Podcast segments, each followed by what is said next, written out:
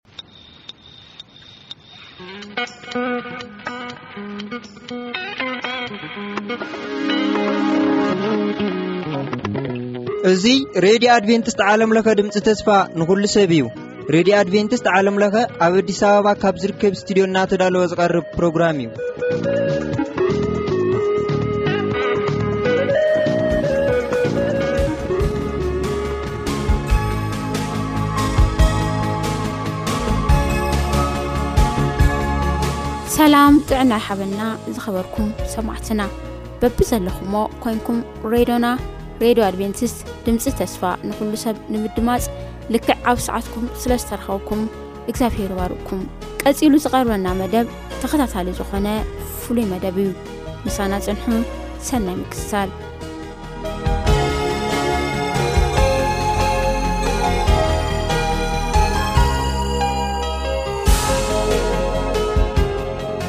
ሰላም ሰላም ኣብ በቦትኡ ኮንኩም መደባትና እናተኸታተልኩም ዘለኹም ክቡራት ሰማዕትና እዚ ናይ መንፈስ ቅዱስ ጥምቀት ብዝብል እናረኣናዮ ዘለና ፍሉይ መደብ እዩ እቲ ፍሉይ መደብ ጠቕላላ ኣርእስቱ ንምዝኽኻር ዝኣክል ናይ መንፈስ ቅዱስ ጥምቀትን ከምኡውን ናይ ወንጌል ምስክርነትን ብዝብል ኢና ናረኣና ዘለና ቅድሚ ሕጂ ክልተ ከፋላት ርኢና ነርና ሎሚ ከዓ ናይ ቱ መቐፀልታ መበል ሳልሳይ ክፋል ኢና ክንርኢ ማለት እዩ ከምዝከር ኣብ ዝሓለፈ ናይ ቃል ግዜና ከም ዝረኣናዮ ናይ መንፈስ ቅዱስ ሓይሊ ኣብ ሂወትና ለውጢ ከነምፅእን ንካልኦት ንበረኸት ክንከውን ክንምስክርን ከም ዝረድኣና ብዘ ናይ መንፈስ ቅዱስ ሓይሊ ድማ ምንም ክንገብር ከም ዘይንኽእል ርኢና ነርና መንፈስ ቅዱስ ጥምቀት ማለት ከ እንታይ ማለት እዩ ዝብል እውን ዲፋይን ገርና ርና እሞ ንምዝኻር ዝኣክል ናይ መንፈስ ቅዱስ ጥምቀት ማለት ዝተወስደ ካብ ግብረ ሃዋርያት ምዕራፍ ሓደ ካብ ኣርባዕተ ክሳብ ሸሞንተ ዘሎ ሓሳብ እዩ ከምዚ ድማ ይንበብ እሞ ሎሚ እውን እቲ ኣብቲ ሓሳብ ብደንቢ ፀቂጥና ኢና ክንርኢ ግን እዛ ናይ መጀመርያ ዝበልኳ ሕቶ ንምምላስ ዝኣክል ኣብ ግብረ ሃዋርያት ምዕራፍ ሓደ ፍቕዲ ኣርባዕተ ጀሚሩ ዘሎ ሓሳብ ምሳታቶም ብሓንሳእ ከሎ ከዓ ዮሃንስ ብማይ እዩ ዘጠመቐ ይብሎም የሱስ ክርስቶስ እዩ ዝብሎም ዘሎ ብሓንሳእ ከሎ ከዓ መን የሱስ ምስቶም ደቂ መዛሙርቲ ምስቶም ሃዋርያት ከሎ ዮሃንስ ብማይ እዩ ዘጠመቐ ይብሎም። ንስኻትኩም ግና ድሕሪ ቁሩብ መዓልቲ ብመንፈስ ቅዱስ ክትጥመቑ ኢኹም ይብሎም። ብመንፈስ ቅዱስ ክትጥመቑ ኢኹም እንታይ ማለት እዩ? ባዕሉ ክምልሶ ያኡ ደሓር ነቲ ካባይ ዝሰማዕኹሞ ተስፋ ኣቦይ ተጸበዩ ኢሉ ካብ የሩሳሌም ከይወጹ ኣዘዞ ምስ በለ ሽዑ ተኣኪቦም ከሎ ጎይታ በዚ ወርሓት እዚ ዶ ንእስራኤል መንግስቲ ከተቕኒዕ ኢኻ ኢሎም ሓተትዎ ንሱኻ ኣቦ ብስልጣኑ ዝመደቦ ዘመንን ግዜኡን ክትፈልጦ ናታት ኩም ኣይኮነን መንፈስ ቅዱስ ናባኻትኩም ምስ ዝወርድ ግና ሓይሊ ክትቅበሉ ኢኹም ሕጂ መንፈስ ቅዱስ ናባኻትኩም ምስ ዝወርድ ግና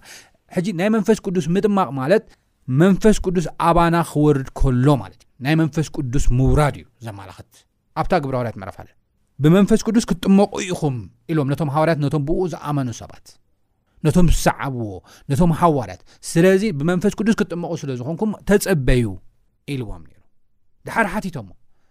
ድሓር ነቲ ሕቶኦም መልሲ ክህብ ከሎ እንታይ ኢልዎም መንፈስ ቅዱስ ናባኹም ክወርድ እዩ ድሓር ድማ እንታይ ክትገብሩ ኢኹም ሓይሊ ክትቅበሉ ኢኹም ድሓር ከ ምስክር ክትኮኑን ኢኹም ከም ዝበሎም ኢና ንርኢ ስለዚ መንፈስ ቅዱስ ጥምቀት ማለት ናይ መንፈስ ቅዱስ ሓይሊ ኣብ ህይወትና ክወርድ ከሎ ክጥቀመልና ከሎ ኩለንትናና ሙሉእ ማንነትና ኣሕሊፍና ክንህቦ ከለና ማለት ከም ዝኾነ ኣብ ዝሓለፈ ናይ ቃል ግዜና ርኢናዮ ነርና ማለት እዩ። ባር ናይ ሎሚ ንሪኦ ሓሳብ ድማ ናይ መንፈስ ቅዱስ ጥምቀት ንምስክርነት ዘሎ ኣድላይነት ብዝብል ኢና ንርኢ እሞ ኢየሱስ ክርስቶስ ኣብ ግብረ ሃዋርያት ምዕራፍ ሓደ ፍቕዲ ኣርባዕተ ክሳብ ሸሞንተ ዘንበብናዮ ሓሳብ እዚ ክብሎም ከሎ ነቶም ደቂ መዛሙርቱን ነቶም ብፍላይ ድማ ነቶም ዓሰርተ ክልተ ሃዋርያትን እዚ ዓይነት ቃል ክህቦም ከሎ ሓደ ነገር ተረዲኡ ነይሩ እዩ ንሱ ድማ እንታይ እዩ ተረዲኡ ነይሩ ብመንፈስ ቅዱስ ዝተመልአ ኣገልግሎት ክሳብ ክንደይ ኣድላዪ ከም ዝኾነ ዓወት ከም ዝህብ ስክዒት ከም ዝህብ ተረዲኡ ከም ዝነበረን ኣብ ህይወት እውን ኤክሰርሳይዝ ዝገበሮን ስለ ዝኾነ እዩ የሱስ ክርስቶስ ፊልጵስ ምዕራፍ ክልተ ካብ ሓሙሽተ ክሳብ ሸሞንተ ከይናብ ነንብበሉ እዋን ርእሱ ኣሕሰረ እዩ ዝብለና ርእሱ ኣሕሰረ ትብል ናይ እንግሊዝኛ ቃል ኬና ክንሪኦ ከለና ርእሱ ባዶ ገበረ ወይ ድማ ኢምፒትድ ሂም ሰልፍ እዩ ዝብለና ርእሱ ባዶ ገበረ እዩ ሙሉእ ክነሱ ኩሉ ነገር ሓያል ክነሱ ርእሱ ግን ባዶ ገበረ እዩ ዝብለና ስለዚ ባዶ ገይሩ ናብዚ መሬት ክመፅእ ከሎ ንዓና ንምድሓን እቲ ናይ ሓጢኣት ዕዳና ንክኸፍል ክመፅእ ከሎ የሱስ ክርስቶስ ኣዝዩ ወሳኒ ዕዮ ክዓይ ሪስክ ዘለዎ ሓደጋ ዘለዎ ዕዮ ክዓይ ይመፅ ሓደጋ ዘለዎ ነገር ክብል ከለኹ ሓደ ሰይጣን ክፍትኖ እዩ ካልኣይ ሓንቲ ሓጢኣት እንተ ደኣ ሰሪሑ ኢየሱስ ክርስቶስ ሓንቲ ሓጢኣት እንተ ደኣ ሰሪሑ ነቲ ናትና ምድሓን ከከናውኖ ኣይክእልን እዩ ስለዚ ብጥንቃቀ ዩ ክመላለስ ዘሎ ካብ ህፃንነቱ ክሳምታ ሽሙ ካብዚ ብተወሳኺ ድማ እቶም ሰይጣን ዝጥቀመሎም ዝነበሩ ፈሪሳውያንን ሳዶቃውያንን ከምኡውን ካልኦት መራሕትን ንሰሙን ናብ ሓጢኣት ክወስድዎን ክቐትልዎን ዝብሉ ዝነበሩ ነገር ሰሙን ሓደ ዓብ ፈተና እዮም ነሩ እዚ ዓይነት ሪስክታት ብገዛእ ርእሱ ርእሱ ባዶ ገይሩ እሞ ኸኣ ባዶ ዝኾነ ሰብ መጺኡ ብገዛእ ርእሱ ክፋለሞም ኣይክእልን እዩ። ስለዚ ዝነበሮ ብሕታዊ መንገዲ እንታይ እዩ ነይሩ? ኣብ ኣቦኡ ተወኪሉ ናይ መንፈስ ቅዱስ ሓይሊ ተቐቢሉ እዩ ክኸይድ ነይርዎ ማለት እዩ። ስለዚ የሱስ ክርስቶስ እንታይ እዩ ዝብለና? ዓበየ ብመንፈስ ብጸጋ ብጥበብ ዓበየ ይብለና ሓቀይ መጽሓፍ ቅዱስ እታ ጥቕሲ ከንብባ ይፈቱ ወንጌል ሉቃስ ምዕራፍ ክልተ ፍቕዲ ኣርብዓን ከምኡ እውን ወንጌል ሉቃስ ምዕራፍ ክልተ ፍቕዲ ሓምሳን ክልተን ከይድና ንሪኦ ኣለዋን ከምዚ ይብል እቲ ህፃን ከዓ ዓበየ ብመንፈስ ድማ ደልደለ ብጥበብ ከዓ መልኦ ፀጋ ኣምላኽ እውን ኣብኡ ምስኡ ነበረ ይብለን ሉቃስ ምዕራፍ ክልተ ኣርብዓ እንታይ እዩ ዝብለና እቲ ህፃን ከዓ እንታይ ገበረ ዓበየ ብመንፈስ ከዓ ደልደለ እዩ ዝብለና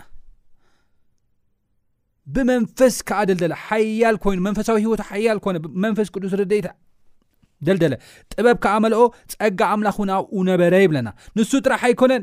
ኣብ ቁፅሪ ሉቃስ ምዕራፍ 2 ፍቅዲ 52 ከድና ንሪእሉ እዋን እውን የሱስ ከዓ ኣብ ቅድሚ ኣምላኽን ሰብን ጥበብን ብቑመትን ብፀጋን ዓበየ ይብለና ስለዚ ብመንፈስ ደልዲሉ ብጥበብ ተሃኒፁ ከም ዝዓበየ ኢና የሱስ ክርስቶስ እንርኢ ማለት እዩ ብገዛእ ርእሱ ይኩም ምክንያቱ ገዛእ ርእሱ ባዶ ገይሩ እዩ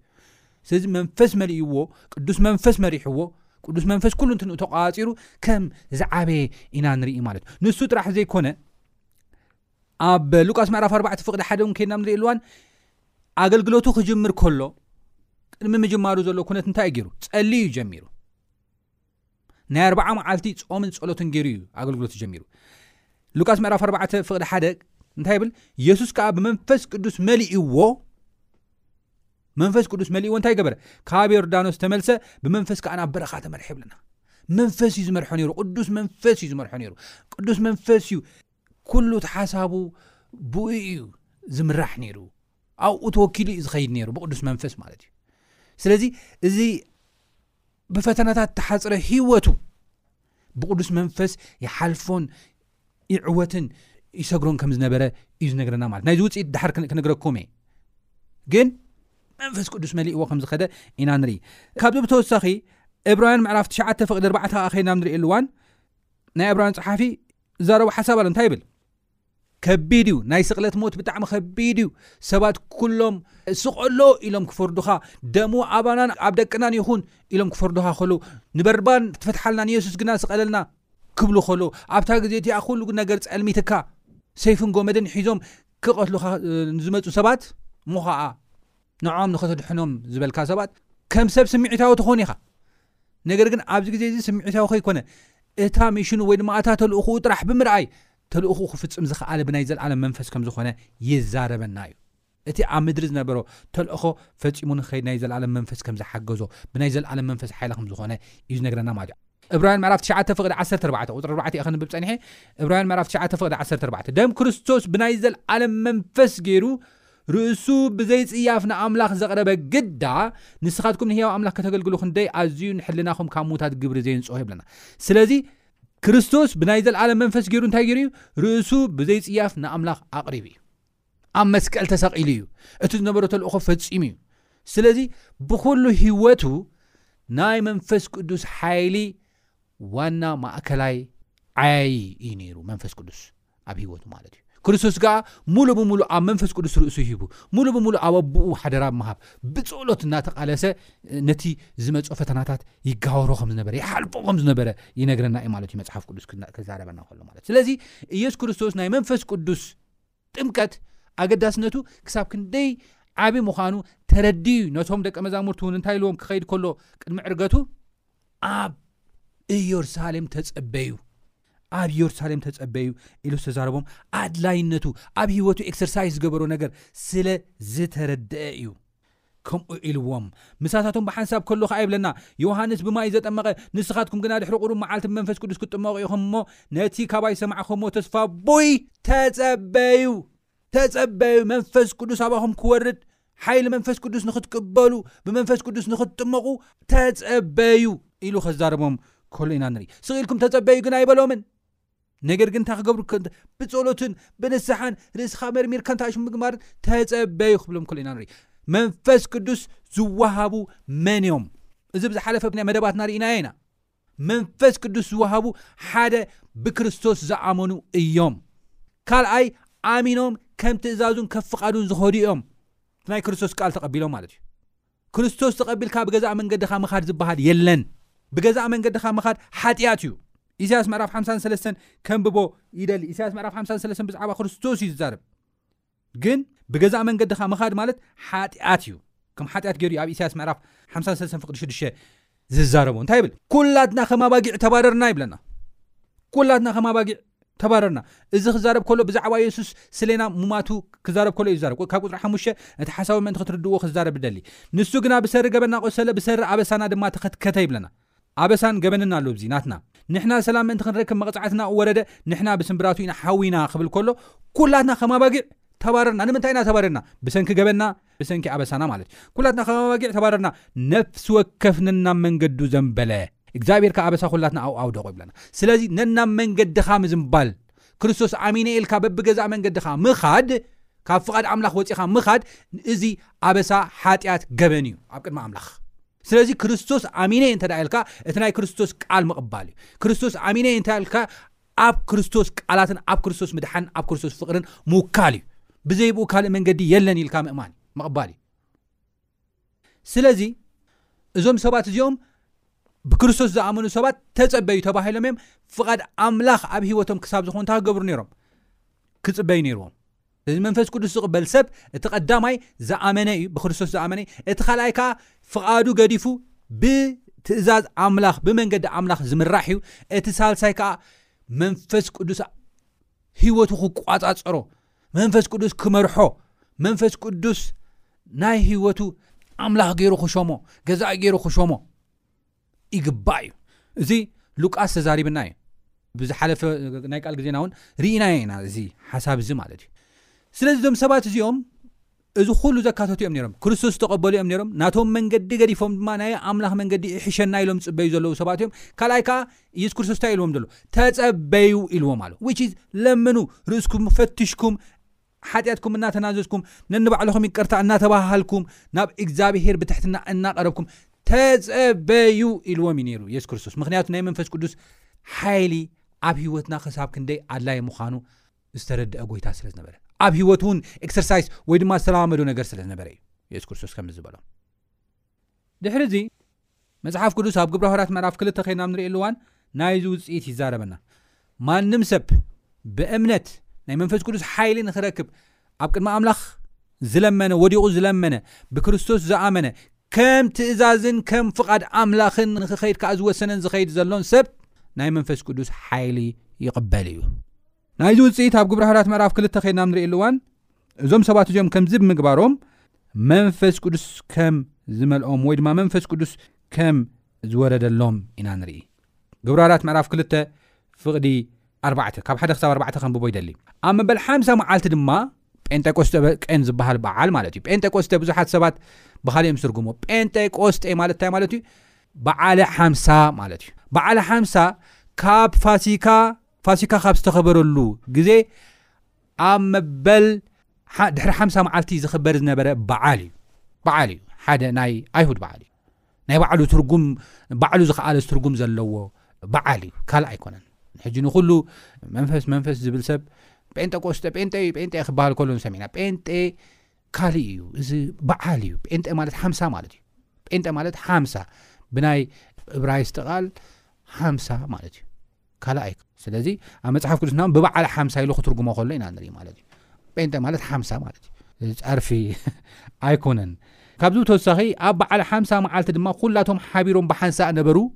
የሱስ ክርስቶስ ካብ ዝተሰቕለሉ ግዜ ወይ ድማ ካብ ፋሲካ ድሕሪ ሓምሳ መዓልቲ ዘሎ በዓል ማለት እዩ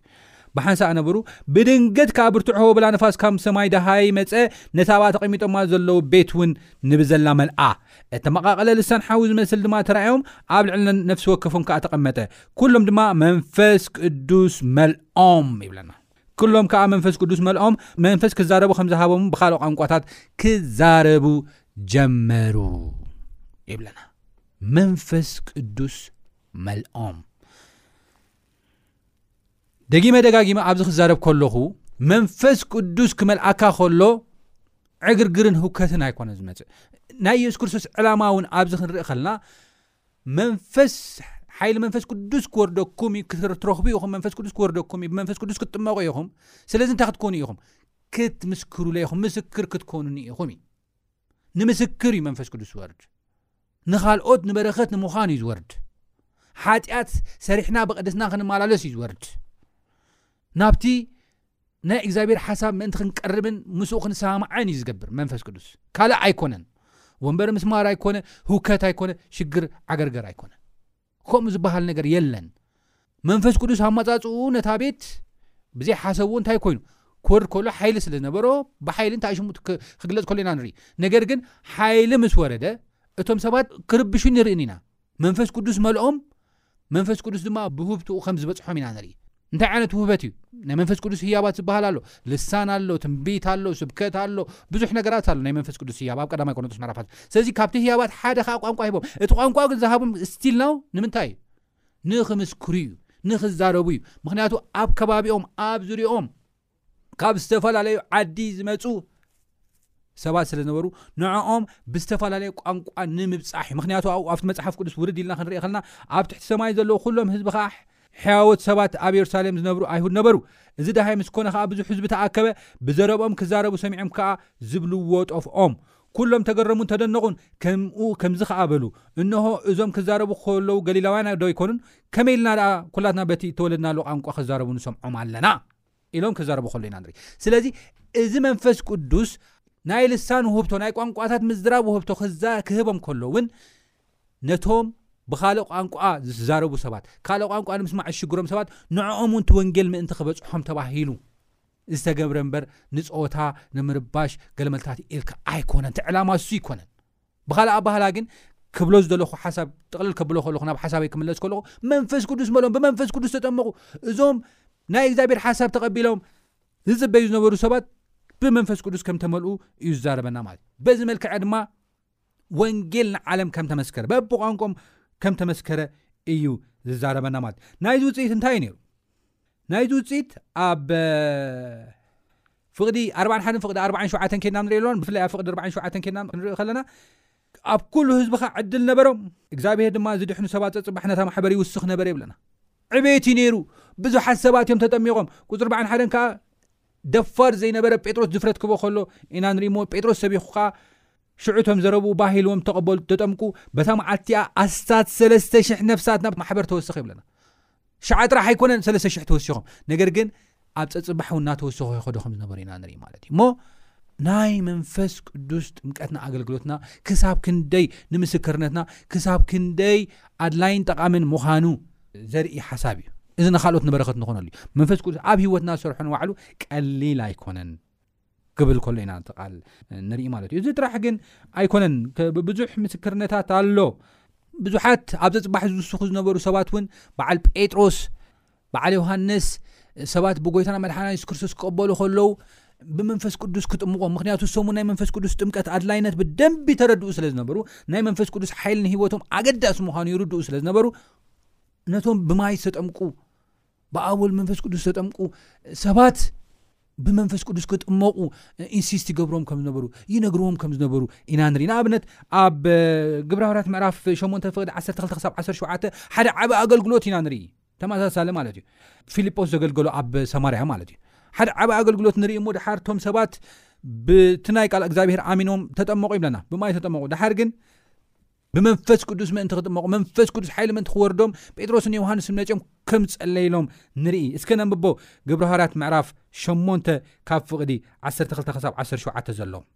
ፊልጶስ ግና ብዛዕባ መንግስቲ ኣምላኽን ብዛዕባ ስም የሱስ ክርስቶስን ኣበሲርዎም ምስ ኣመንዎ ሰብኡትን ኣንስትን ተጠመቑ ይብለና ኣብ ሰማርያ ስምዖን ባዕሉ እኳ ደኣ ኣመነ እምበር ምስ ተጠምቀ ከኣ ናብ ፊልጶስ ለገበ ትምህርትን ዓበይቲ ሓያላትን ክገብር ምስ ረኣየ ተገረመ መን ስምዖን? እቶም ኣብ የሩሳሌም ዘለዉ ሃዋርያት ከኣ ሰማርያ ቓል ኣምላኽ ከም እተቐበለት ሰምዑ፣ ንጴጥሮስን ንዮሃንስን ከኣ ሰደዱሎም። ንምንታይ? ክነግረና እዩ። ቁጽሪ ዓሰርተ ሓሙሽተ፣ ብስም ጐይታና የሱስ ጥራይ ደኣ ተጠሚቖም ነበሩ እምበር፣ መንፈስ ቅዱስ ገና ኣብ ሓደ ኻባታቶም እኳ ኣይወረደን ነበረ እሞ፣ ጴጥሮስን ዮሃንስን ወሪዶም ንመንፈስ ቅዱስ ምእንቲ ኪቕበሉ ጸለይሎም ይብለና። ጸለይ ኢሎም። ሽዑ ኣእዳዎም ኣንበርሎም እሞ መንፈስ ቅዱስ ተቐበሉ። መንፈስ ቅዱስ ተቐበሉ። መንፈስ ቅዱስ ስለዚ ሓደ ስለ ሓደ ክጽሊ ከሎ መንፈስ ቅዱስ ክወርድ ኽእል እዩ ነንባዕልና ክንተሓላለኸልና ሓደ ንሓደ ክድግፍ ከሎ ናትና ፍቕሪ ናትና ትሕናን ኣብ ቅድሚ እግዚኣብሄር መንፈስ ቅዱስ እግዚኣብሄር ከም ዝሰምዕ መንፈስ ቅዱስ ድማ ኣብ ኣሕዋትን ኣሓትን ክወርድ ከም ዝኽእል ይነግረና እዩ ማለት እዩ እሞ መንፈስ ቅዱስ ከም ዝወረዶም ነዞም ኣብ ሰማርያ ዝነበሩ ኣመንቲ ይነግረና እዩ ማለት እዩ ንሱ ጥራሕ ግን ኣይኮነን ናይ መወዳእታ ሓንቲ ኣብነት ክህብ እሞ ድሓር ክውድእ ካልእ ኣብዚ ክሪኦ ዝደሊ ነገር እንታይ እዩ ሳኦል እዩ ሳኦል ንክርስትያናት ኣዝዩ ዘሳድድ ዝነበረ ንክርስትያናት ድማ ኣዝዩ ዘሳቒ ዝነበረ ዘፍርሕ ዝነበረ ሰብ ከም ዝነበረ ይዛረበና እዩ ድሓር ናብ ክርስትና ምስ መፀ ግን ሽሙ እውን ተቐይሩ ጳውሎስ ከም ዝተባህለ እዩ ዝነግረና ማለት እዩ ድሓር ግን ኣማፃፅኡ ከይድና ክንርኢ ከለና ኣብ ግብረ ሃዋርያት ምዕራፍ ትሽዓተ ፍቕዲ ሰለስተ ክሳብ ሸውዓተ ከይድና ንሪኦ ኣለዋን ከም ዝብል ሓሳብ ኢና ንረክብ ክኸይድ ከሎ ከዓ ንኸሳድስ ክኸይድ ከሎ ሳውል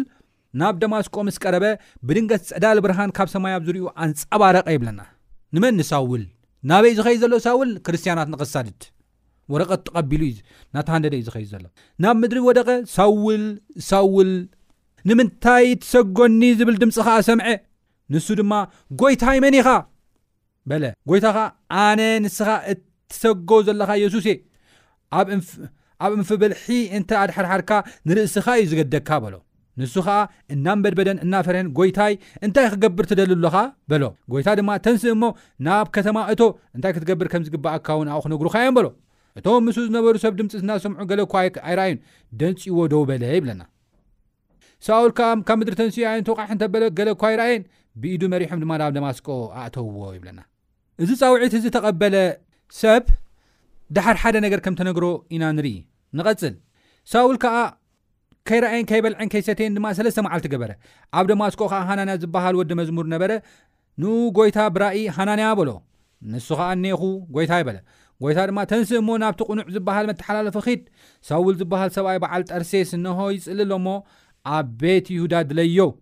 ንሱውን ንሃናንያ ዝበሃል ሰብኣይ ኣትዩ ምእንቲ ኺርኢ ኢዱ ኼንብረሉ ብራእይ ርእዩ፣ ኣሎ በሎ። ሃናንያ ግና፣ ጐይታ ብዛዕባ እዚ ሰብኣይ እዚ ኣብ የሩሳሌም ንቕዱሳንካ ክንደይ ክፉእ ከም ዝገበሮም ካብ ብዙሓት ሰሚዐ ኣለኹ። ኣብዚ ድማ ምስ ስምካ ንጽውዑ ዅላቶም ክኣስር ካብ ሊቃውንቲ ካህናት ስልጣን ኣለዎ ኢሉ መለሰ። ጐይታ ግና፣ እዚ ሰብኣይ እዚ ኣብ ቅድሚ ኣህዛብን ኣብ ቅድሚ ነገሳትን ኣብ ቅድሚ ደቂ እስራኤልን ስመይ ክጸውር ንዓይ ሕሩይ ኣቕሓ እዩ እሞ፣ ምእንቲ ስመይ ክንደይ ብዙሕ ሓሳረ መከራ ክጸግብ ከም ዝግብኦ ኽርእዮ እየ። ስለዚ ኺድ ደኣ በሎ። ሽዑ ሃናንያ ኸደ እሞ ናብ ቤት ኣተወ፣ ኢዱ ኣብኡ ኣንቢሩ ኸኣ ኣታ ሳኦል ሓወይ እቲ ክትመጽእ ከሎኻ ኣብ መንገዲ ተራእይካ ጎይታና የሱስ ክትርእን መንፈስ ቅዱስ ክመልኣካን ናባኻ ልኢኹኒ በሎ ይብለና ክትርእን መንፈስ ቅዱስ ክመልኣካን ናባኻ ልኢኹኒ በሎ ይብለና። ብኡብኡ ኸኣ ኣዒንቱ ከም ቅራፍ ዝበለ ወደቐ እሞ ረኣየ። ተንሲኡ ተጠምቀ፣ ምግቢ ምስ ተመገበ ድማ በርትዐ፣ ሳውል ከኣ ምስቶም ኣብ ደማስቆ ዘለዉ ደቀ መዛሙርቱ ሓያሎ መዓልቲ ተቐመጠ ይብለና። ኣሚኑ ምስኦም ሓቢሩ፣ መንፈስ ቅዱስ ድማ ሃናንያ ስለ ዝጸለየሉ መንፈስ ቅዱስ ድማ ተቐቢሉ ክቕጽል ከሎ፣ ናይ መንፈስ ቅዱስ ጥምቀት ንጳውሎስ ኣብ ህይወቱ ዘኸሰቶ ነገር ተሃለወ ቁጽሪ ዕስራን ክልተን እንታይ ይብለና፣ ሳውል ግና እናበርትዐ ከደ ይብለና። ነቶም ኣብ ደማስቆ ዝነበሩ ኣይሁድ ከኣ የሱስ ክርስቶስ ምዃኑ ብምግሃዱ ኣፎም የትሕዞም ነበረ ይብለና። ብጣዕሚ እናበርትዐ ኸደ እናበርትዐ ኸደ እናበርትዐ ኸደ እዩ ዝብለና ማለት እዩ። ብናቱ ቅድስና ብድፍረት ብጥበብ ብኹሉ ነገር ንዓበየ ከም ዝኸደ ኢና ንርኢ። ስለዚ ናይ መንፈስ ቅዱስ ሓይሊ ናይ መንፈስ ቅዱስ ጥምቀት ኣብ ህይወትና እውን ለውጢ ዘምፅእ እዩ። ንካልኦት ንምስክርነትን ንበረኸትን ክንከውኑን ይረድኣና እዩ። እሞ ናይ መንፈስ ቅዱስ ሓይሊ ክንረክብ እዚ ከዓ ብትሕትናን ብክርስቶስ ምማን ናብ ክርስቶስ ክንመፅእ ከለና ከዓ ናትና መንገዲ ሓዲና ናይ ክርስቶስ መንገዲ ንምኽታል ብምውሳንን ናይ መንፈስ ቅዱስ ሓይሊ ክንረክብ እግዚኣብሄር ፀጉኡ የብዝሓልና ኣብ ዝቕፅል ብካልእ ክሳብ ንራኸብ